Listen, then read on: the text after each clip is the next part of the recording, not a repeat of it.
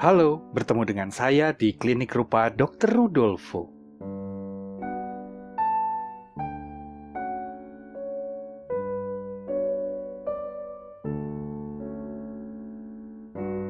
Teman-teman yang baik, selamat datang di Klinik Rupa Dr. Rudolfo. Ini adalah siniar edisi rangkuman dan pendalaman ya dari empat siniar yang sudah tayang uh, sebelumnya secara berturut-turut. Jadi artinya sudah empat bulan kita membahas tema pengelolaan keuangan dan penghasilan seorang perupa. Nah, bila kita sudah memutuskan untuk menjadi seorang perupa profesional, maka wajar bila kita melihat karir sebagai satu target yang ingin kita capai. Misalnya ya, tahun ini kita pengen pameran di tempat ini, tahun depan pameran di tempat yang lain, kita pengen ikut workshop, residensi, project, dan sebagainya.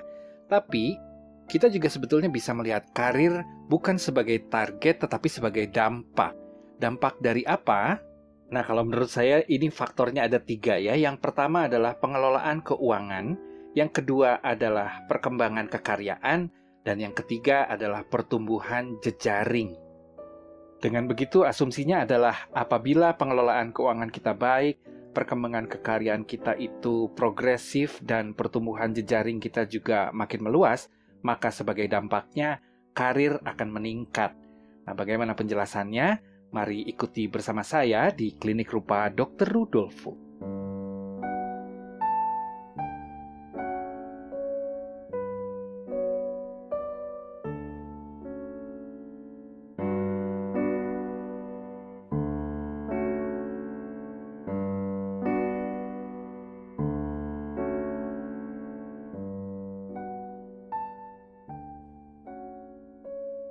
Teman-teman yang baik, sebelum memulai pembahasan, seperti biasa ini saya ada sedikit pengumuman ya. Yang pertama, saya ingin mengucapkan terima kasih pada Anda semua yang sudah meluangkan waktu untuk hadir di pembukaan dan pameran tunggal saya ya. Museum Potret Dr. Rudolfo yang diselenggarakan di Museum dan Tanah Liat Bantul, Yogyakarta dibuka pada tanggal 26 Juli yang lalu dan masih akan dibuka sampai tanggal 10 Agustus 2019 yang akan datang. Dengan begitu, rangkaian pameran Museum Potret Dr. Rudolfo sudah dibuka dua kali ya. Yang pertama di Selasar Sunario Art Space dari mulai tanggal 15 Mei sampai 30 Juni dan di Museum dan Tanah Liat dari tanggal 26 Juli sampai 10 Agustus yang akan datang. Nah ini saya berterima kasih sekali pada Anda semua yang sudah hadir, terutama di pembukaan yang di Jogja ini ya. Soalnya itu kan bersamaan dengan pembukaan Art Jog dan ada banyak sekali pembukaan yang lain. Jadi saya berterima kasih pada Anda yang sudah menyempatkan waktunya untuk hadir. Dan bagi Anda yang belum menyaksikan pameran ini di Yogyakarta, nah ini masih akan dibuka sampai tanggal 10 Agustus 2019. Silahkan mampir tempatnya enak, ada kafe, bisa ngobrol-ngobrol dengan teman, bisa minum kopi. Apalagi kalau misalnya udah sore itu jam 4 jam 5, kalau cuaca bagus enak sekali ya. Nongkrong di Museum dan Tanah Liat Bantul Yogyakarta. Yang kedua, bersamaan dengan berakhirnya pameran Museum Potret Dr. Rudolfo pada tanggal 10 Agustus kelak, saya secara resmi akan memasuki masa hiatus. Masa hiatus ini adalah sebuah rencana yang sudah saya pikirkan sejak awal tahun 2019 dan ini akan berlangsung antara 6 bulan sampai 12 bulan ke depan ya. Nah, dalam masa hiatus ini saya akan sangat mengurangi kegiatan saya di bidang seni rupa supaya saya bisa berkonsentrasi pada tiga hal nih yang sedang saya fokuskan untuk dikerjakan dalam masa hiatus ini. Yang pertama adalah penerbitan buku saya ada rencana menerbitkan beberapa buku baik itu fiksi maupun non-fiksi. Uh, yang kedua adalah mengembangkan sistem kepengajaran di Klinik Rupa Dr. Rudolfo. Dan yang ketiga adalah merintis channel YouTube Klinik Rupa Dr. Rudolfo. Nah inilah tiga hal yang ingin saya wujudkan dalam jangka waktu 6 sampai 12 bulan ke depan selama masih ada jadwal pameran saya nggak bisa eh bagi waktunya jadi saya terpaksa harus ambil hiatus supaya bisa fokus mengerjakan tiga hal tersebut. Pengumuman berikutnya, yang ketiga, berkaitan dengan kursus menggambar daring. Nah ini bagi Anda yang belum mengetahui, pada bulan Juli yang lalu saya mengadakan kursus menggambar daring 001 tahun 2019. Jadi ini adalah sebuah kelas eksperimental ya. Idenya adalah membuat sebuah kelas berbayar yang biayanya murah supaya bisa diikuti oleh lebih banyak peserta dan tidak ada tatap muka ya. Jadi kursus itu dilakukan via WhatsApp. Nah, ini barangkali Anda mau tahu nih ya, sejarahnya klinik rupa Dr. Rudolfo. Jadi klinik rupa Dr. Rudolfo itu didirikan tahun 2014 pada bulan Oktober tuh tanggal 21. Jadi Sebetulnya gini, waktu dulu itu saya sering mengadakan kursus atau workshop yang offline ya, atau luring di luar jaringan, itu artinya offline ya. Nah, jadi saya bekerja sama dengan orang yang punya tempat, misalnya kalau di Bandung, saya paling sering bekerja sama dengan Tobucil. Atau Bucil bikin kursus hari Sabtu sama hari Minggu, satu kali pertemuan itu tiga jam, orang daftar lalu ikut kursus gitu kan. Jadi sebetulnya kursus macam gitu sih banyak ya di mana-mana juga ada. Kadang-kadang saya buat juga di Jakarta, tapi seringnya di Bandung. Nah, jadi saya lebih sering membuat kursus luring di Bandung dan di Jakarta. Nah, tapi kemudian pada tahun 2012 saya pindah domisili ke Ungaran. Ungaran itu di Kabupaten Semarang. Jadi kalau misalnya Anda dari Semarang, kota Semarang, mau pergi ke Jogja itu akan ngelewatin kota Ungaran sekitar setengah jam 45 menit dari Semarang itu ada kota Ungaran. Saya itu dipinjemin studio sama almarhum manajer pemasaran karya-karya saya ya Pak Handoko waktu itu. Nah jadi saya tinggal di Ungaran bersama anak dan istri saya. Uh, saya bekerja di sebuah studio yang enak banget tempatnya satu hektar di tengah kebun kopi dan kebun duren cocok lah ya untuk berkarya tempatnya juga sepi di lereng Gunung Ungaran. Cuman masalahnya nggak ada yang mau kursus gambar di sana. Nah, soalnya Ungaran itu suasananya pedesaan berbeda dengan Bandung apalagi Jakarta.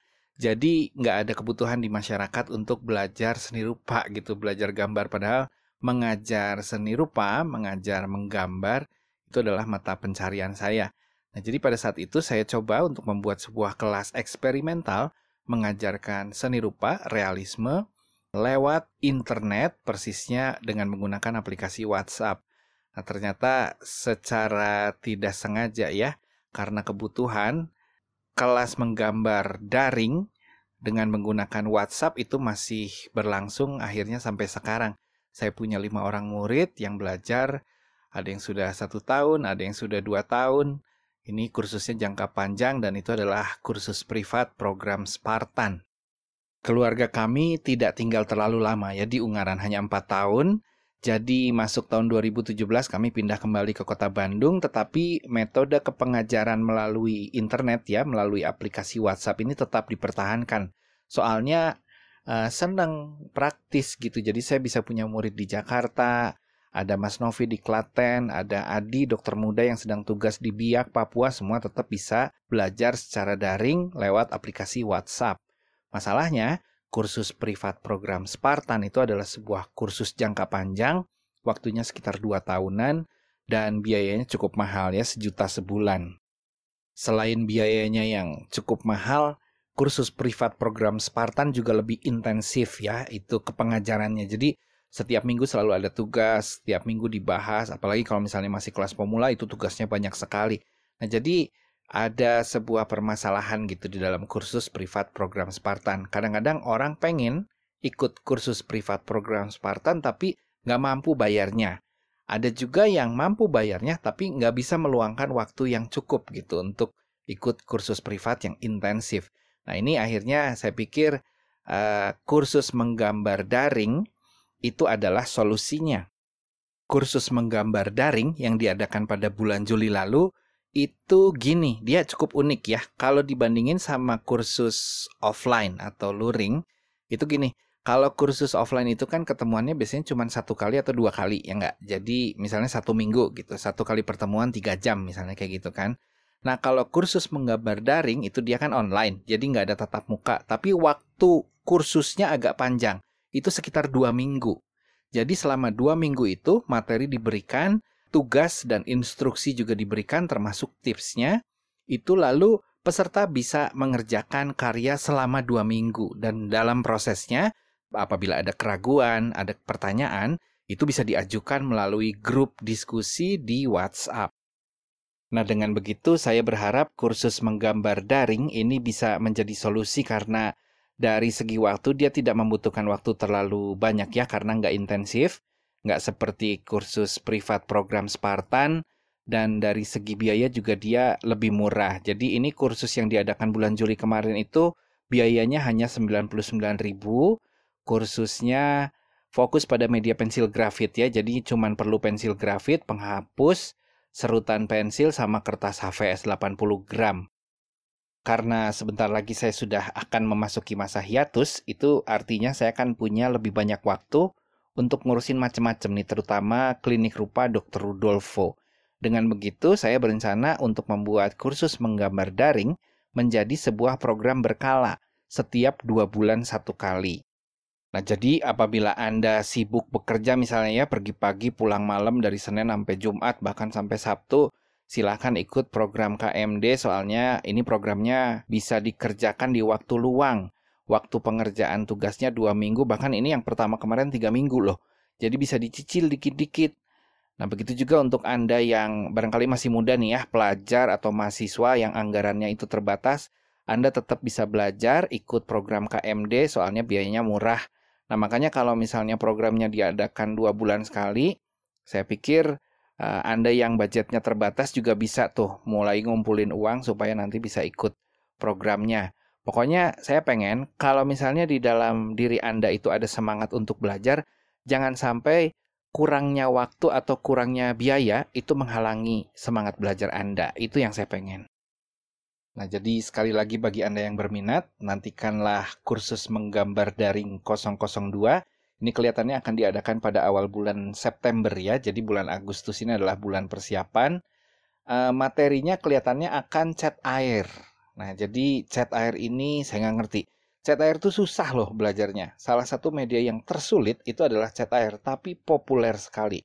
Nah, jadi banyak orang yang nanyain kapan kelas cat air akan dibuka itu kelihatannya akan bulan September. Jadi kalau misalnya Anda tertarik untuk mempelajari teknik cat air pada portraiters ya, pada seni potret untuk menggambar wajah, silahkan ikut. Karena tingkat kesulitannya berbeda, saya sudah menetapkan bahwa kelas cat air ini biaya kursusnya adalah Rp299.000. Nah, jadi ada yang tingkat kesulitannya rendah, Rp99.000, ada yang tingkat kesulitannya sedang Rp199.000 dan ada yang tingkat kesulitannya tinggi Rp299.000.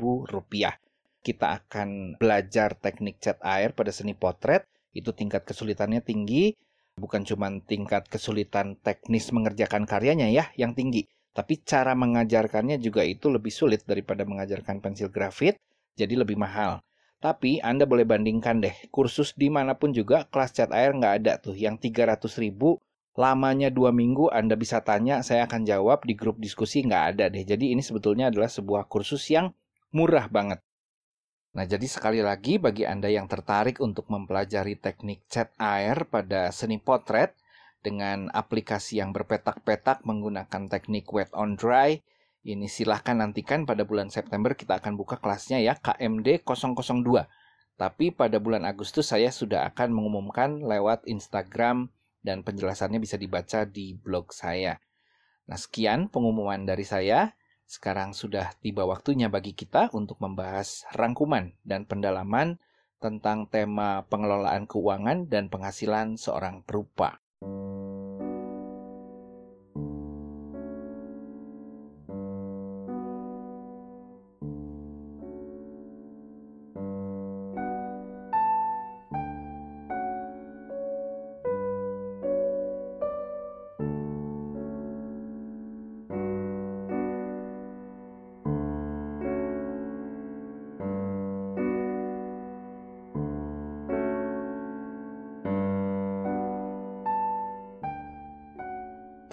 Baik, selama empat bulan terakhir kita sudah menghabiskan waktu untuk membahas masalah pengelolaan keuangan dan penghasilan seorang perupa profesional.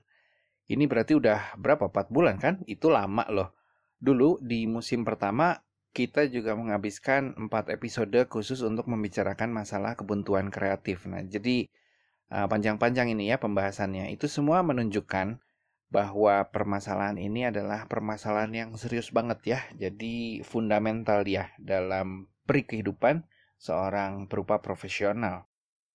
Dalam rangkaian pembahasan ini saya juga sudah beberapa kali menyinggung ya bahwa sebelum kita ngomongin karya, sebelum kita ngomongin karir, uh, pengelolaan keuangan dan penghasilan seorang perupa ya yang tergabung dalam isu rumah finansial seorang perupa itu adalah pondasi yang paling penting. Itu dulu deh. Kalau misalnya rumah finansial itu sudah dibangun dengan kokoh, dengan benar, urusan itu ke sananya itu jadi gampang.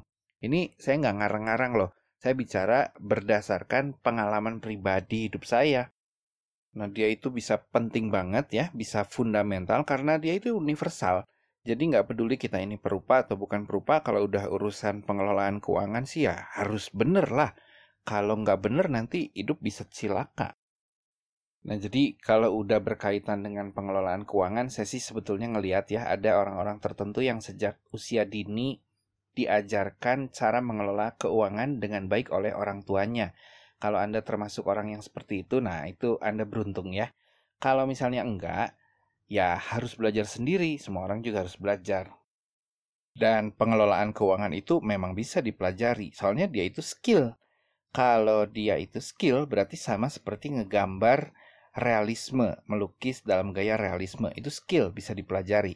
Dulunya masih bego, lama-lama jadi bisa sedikit, lama-lama jadi tambah banyak jam terbangnya, lama-lama bisa jadi jago. Jadi sama aja kayak belajar gambar, mengelola keuangan juga adalah sebuah keterampilan dan kepekaan yang bisa dilatih gitu. Jadi kalau misalnya keuangan kita itu ancur-ancuran nih sekarang, jangan kecil hati karena uh, biasanya kalau orang udah mengalami kehancuran finansial bertubi-tubi ya dia lama-lama nggak mau dong mengalami itu lagi. Nah, terus nanti dia akan mencari tahu gimana sih cara mengelola keuangan yang benar supaya jangan ancur-ancuran lagi. Nah, jadi skill uh, bisa dilatih, intinya adalah repetisi, makin tinggi jam terbangnya, makin jago nanti orangnya. Jadi sama aja kayak ngegambar, pengelolaan keuangan itu bisa dilatih. Nah, supaya pengelolaan keuangan ini bisa dilatih, kita terlebih dahulu harus memiliki kesadaran finansialnya dulu.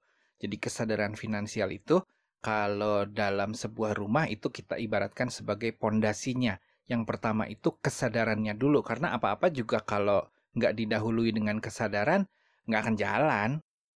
Kesadaran finansial yang pertama adalah urusan keuangan itu bukan lucu-lucuan. Itu harus dihadapi dengan serius soalnya gini. Uang itu kalau sama kita didiamin aja nih, nggak disentuh sama sekali, nilainya akan susut seiring waktu karena inflasi. Apalagi kalau diboros-borosin.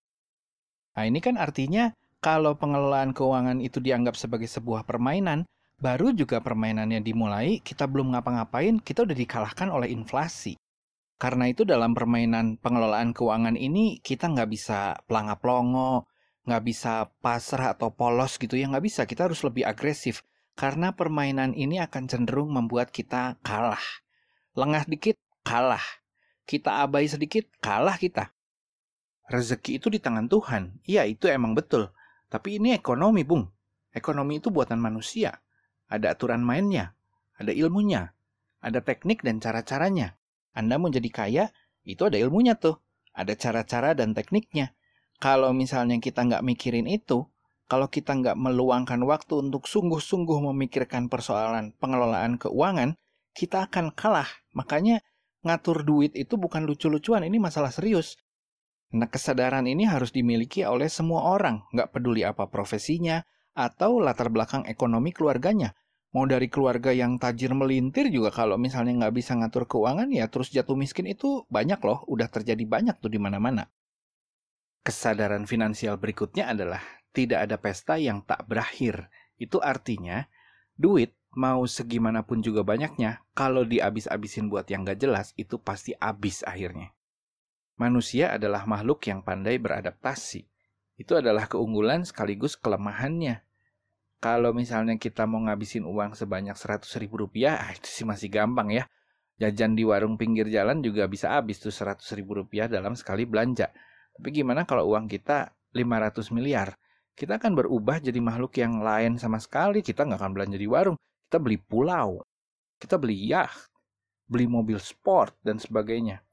Kalau misalnya itu semua dilakukan tanpa perencanaan keuangan yang benar, uang 500 miliar atau sebetulnya berapapun juga bisa habis dengan mudah sebetulnya. Kalau Anda mau meluangkan waktu sedikit aja untuk baca-baca tuh kisah para pesohor yang dulu pernah sangat sukses mengalami puncak keemasan karirnya, lalu jadi tajir banget gitu ya, tapi terus kemudian boros hidupnya, nggak ada perencanaan keuangan yang baik, nggak tahu cara pengelolaan keuangan yang benar, terus akhirnya jadinya bangkrut. Itu dari dulu sampai sekarang selalu ada kisahnya selalu sama. Samanya itu gimana? Samanya itu ya kalau dulu pada saat hidupnya masih biasa-biasa, belanjanya ya biasa-biasa juga. Tapi pada saat uangnya jadi banyak, kekayaannya jadi banyak luar biasa, belanjanya juga jadi luar biasa besarnya. Nah, itu sebetulnya menunjukkan kemampuan manusia beradaptasi ya. Nah, jadi kemampuan beradaptasi di sini kalau misalnya tidak diiringi dengan kesadaran finansial yang benar dan cara pengelolaan keuangan yang baik, ya akhirnya ujung-ujungnya bangkrut juga nggak ada pesta yang tidak berakhir. Nah, kesadaran finansial yang ketiga dan yang terakhir ini tuh bunyinya adalah kekayaan tidak dihitung dengan uang atau aset tetapi dengan waktu. Soalnya makna kekayaan yang sesungguhnya adalah berapa lama waktu yang bisa kita lewatkan dengan hidup layak sesuai dengan standar yang telah kita tentukan sebelumnya tanpa bekerja sama sekali. Nah, hukum ini pada akhirnya implikasinya ada dua ya. Yang pertama adalah kekayaan itu absolut, soalnya dia dihitung pakai waktu. Ada yang kekayaannya cuma satu bulan, ada yang kekayaannya satu tahun, ada yang sepuluh tahun, ada yang seratus tahun.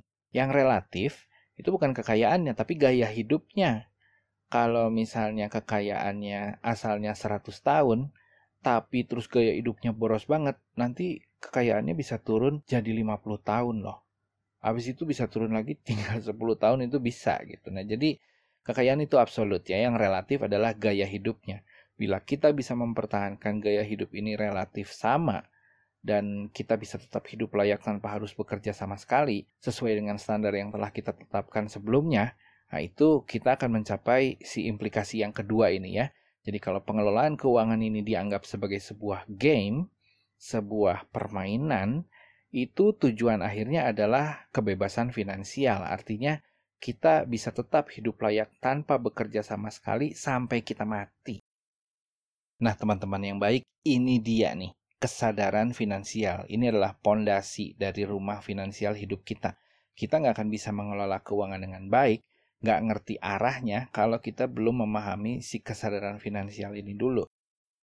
Nah, jadi inti dari kesadaran finansial ini adalah kalau pengelolaan keuangan itu dianggap sebagai sebuah game, kita itu kayak main permainan yang menangnya susah, kalahnya gampang. Orang kan sering mikir, oh, yang penting kan kita punya kerjaan yang oke, okay, terus pekerjaannya menghasilkan uang banyak gitu. Pasti kita menang. Belum tentu. Kita punya uang banyak itu kita belum tentu menang loh. Kalau misalnya kesadaran finansialnya itu nggak tertanam dengan baik, pengelolaan keuangannya jelek, ya bisa habis juga itu duit banyak. Nah jadi enggak ya ini masalah pengelolaan keuangan ini bukan lucu-lucuan. Ini masalah serius harus dihadapi dengan baik, dengan kesadaran penuh dan ada visi gitu. Kita mau ke arah mana itu kita tahu. Ini yang enggak saya temukan di banyak insan seni rupa, termasuk diri saya sendiri untuk waktu yang lama. Teman-teman saya juga, akhirnya apa ya, kita jadi nggak punya duit, jadi miskin. Ini mitos tentang seniman itu miskin itu lebih sering berasal dari kemampuan pengelolaan keuangan yang jelek, bukan karena profesi senimannya sebetulnya. Kesadaran finansial berikutnya adalah tidak ada pesta yang tak berakhir. Itu artinya duit mau segimanapun juga banyaknya, kalau dihabis-habisin buat yang gak jelas, itu pasti habis akhirnya. Manusia adalah makhluk yang pandai beradaptasi itu adalah keunggulan sekaligus kelemahannya. Kalau misalnya kita mau ngabisin uang sebanyak 100 ribu rupiah, ah, itu sih masih gampang ya. Jajan di warung pinggir jalan juga bisa habis tuh 100 ribu rupiah dalam sekali belanja. Tapi gimana kalau uang kita 500 miliar? Kita akan berubah jadi makhluk yang lain sama sekali. Kita nggak akan belanja di warung. Kita beli pulau. kita beli yacht, beli mobil sport, dan sebagainya. Kalau misalnya itu semua dilakukan tanpa perencanaan keuangan yang benar, uang 500 miliar atau sebetulnya berapapun juga bisa habis dengan mudah sebetulnya. Kalau Anda mau meluangkan waktu sedikit aja untuk baca-baca tuh kisah para pesohor yang dulu pernah sangat sukses mengalami puncak keemasan karirnya, lalu jadi tajir banget gitu ya, tapi terus kemudian boros hidupnya, nggak ada perencanaan keuangan yang baik, nggak tahu cara pengelolaan keuangan yang benar, terus akhirnya jadinya bangkrut. Itu dari dulu sampai sekarang selalu ada kisahnya selalu sama. Samanya itu gimana? Samanya itu ya kalau dulu pada saat hidupnya masih biasa-biasa, belanjanya ya biasa-biasa juga. Tapi pada saat uangnya jadi banyak, kekayaannya jadi banyak luar biasa, belanjanya juga jadi luar biasa besarnya. Nah, itu sebetulnya menunjukkan kemampuan manusia beradaptasi ya. Nah, jadi kemampuan beradaptasi di sini kalau misalnya tidak diiringi dengan kesadaran finansial yang benar dan cara pengelolaan keuangan yang baik, ya akhirnya ujung-ujungnya bangkrut juga nggak ada pesta yang tidak berakhir. Nah, kesadaran finansial yang ketiga dan yang terakhir ini tuh bunyinya adalah kekayaan tidak dihitung dengan uang atau aset tetapi dengan waktu. Soalnya makna kekayaan yang sesungguhnya adalah berapa lama waktu yang bisa kita lewatkan dengan hidup layak sesuai dengan standar yang telah kita tentukan sebelumnya tanpa bekerja sama sekali. Nah, hukum ini pada akhirnya implikasinya ada dua ya. Yang pertama adalah kekayaan itu absolut, soalnya dia dihitung pakai waktu. Ada yang kekayaannya cuma satu bulan, ada yang kekayaannya satu tahun, ada yang sepuluh tahun, ada yang seratus tahun. Yang relatif itu bukan kekayaannya, tapi gaya hidupnya. Kalau misalnya kekayaannya asalnya 100 tahun, tapi terus gaya hidupnya boros banget, nanti kekayaannya bisa turun jadi 50 tahun loh. Habis itu bisa turun lagi tinggal 10 tahun itu bisa gitu. Nah, jadi kekayaan itu absolut ya, yang relatif adalah gaya hidupnya. Bila kita bisa mempertahankan gaya hidup ini relatif sama dan kita bisa tetap hidup layak tanpa harus bekerja sama sekali sesuai dengan standar yang telah kita tetapkan sebelumnya, nah itu kita akan mencapai si implikasi yang kedua ini ya.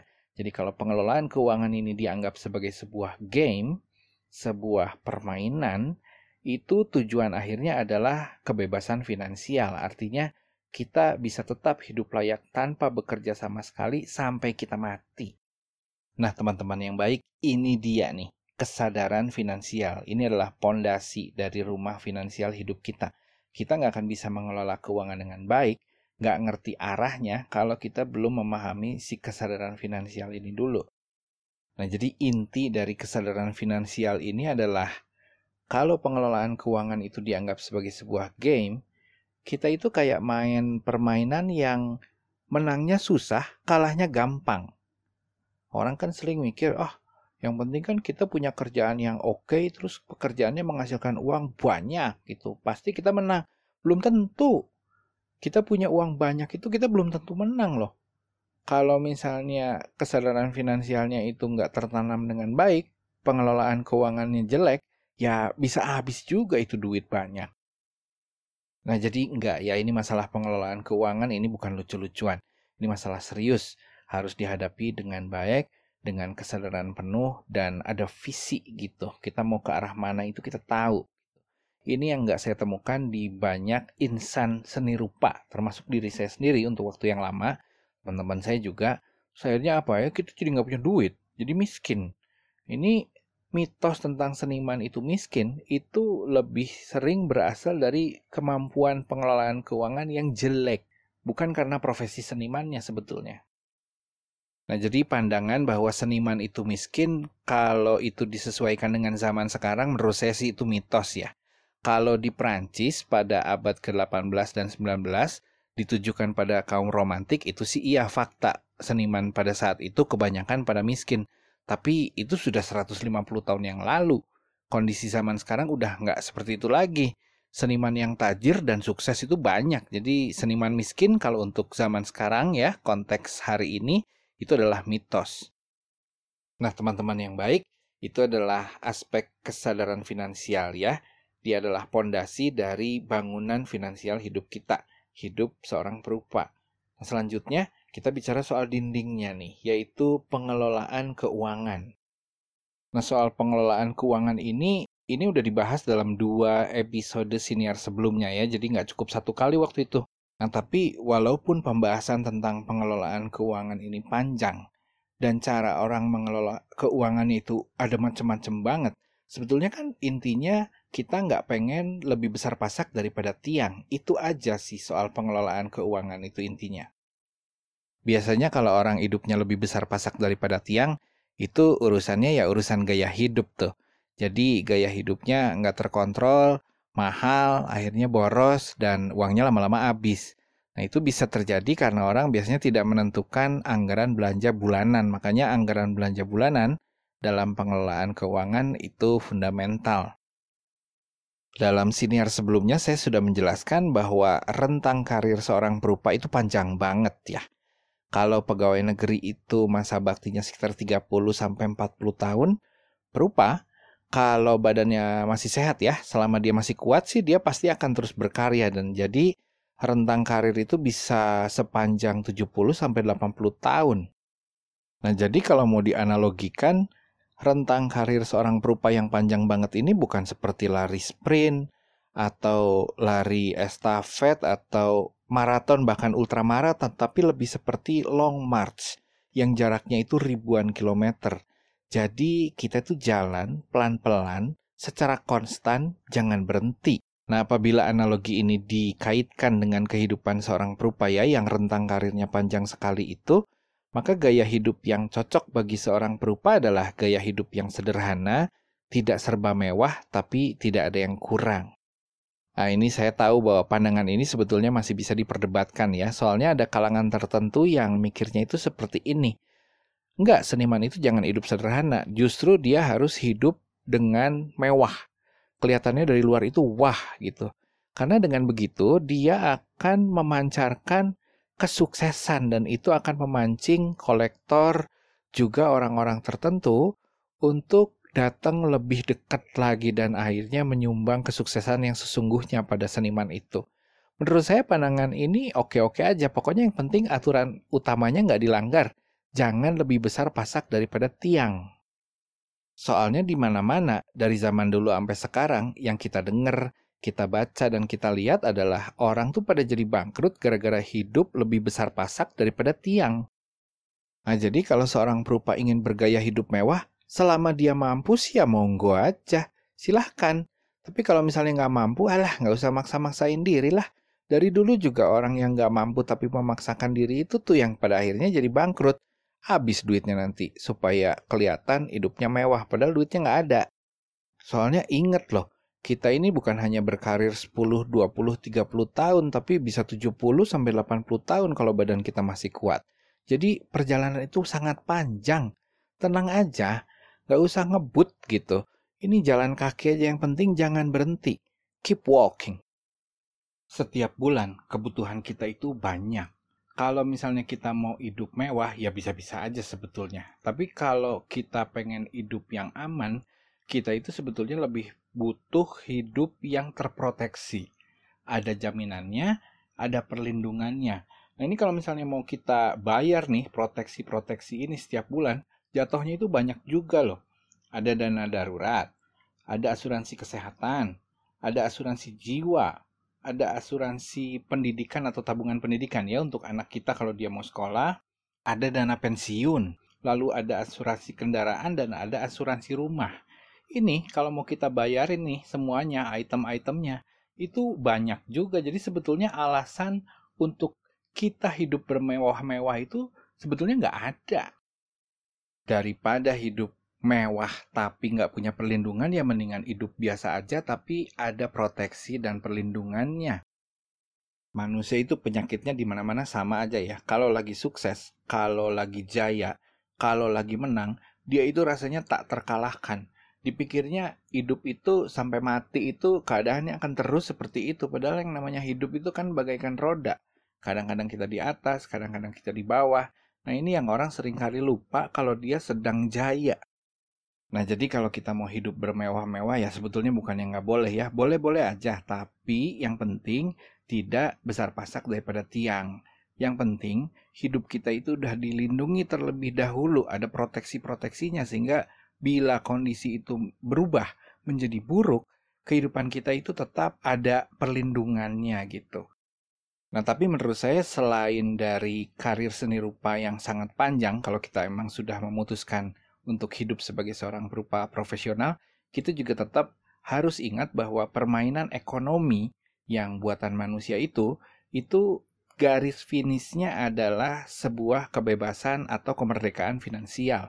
Itu sebisa mungkin harus kita kejar. Nah masalahnya kita ini kan bukan orang kantoran ya. Kita nggak dapat gaji bulanan dan nggak dapat uang pensiun juga nggak kayak pegawai negeri gitu. Nah jadi kita harus menyiapkan uang yang cukup sebagai bekal kita di hari tua.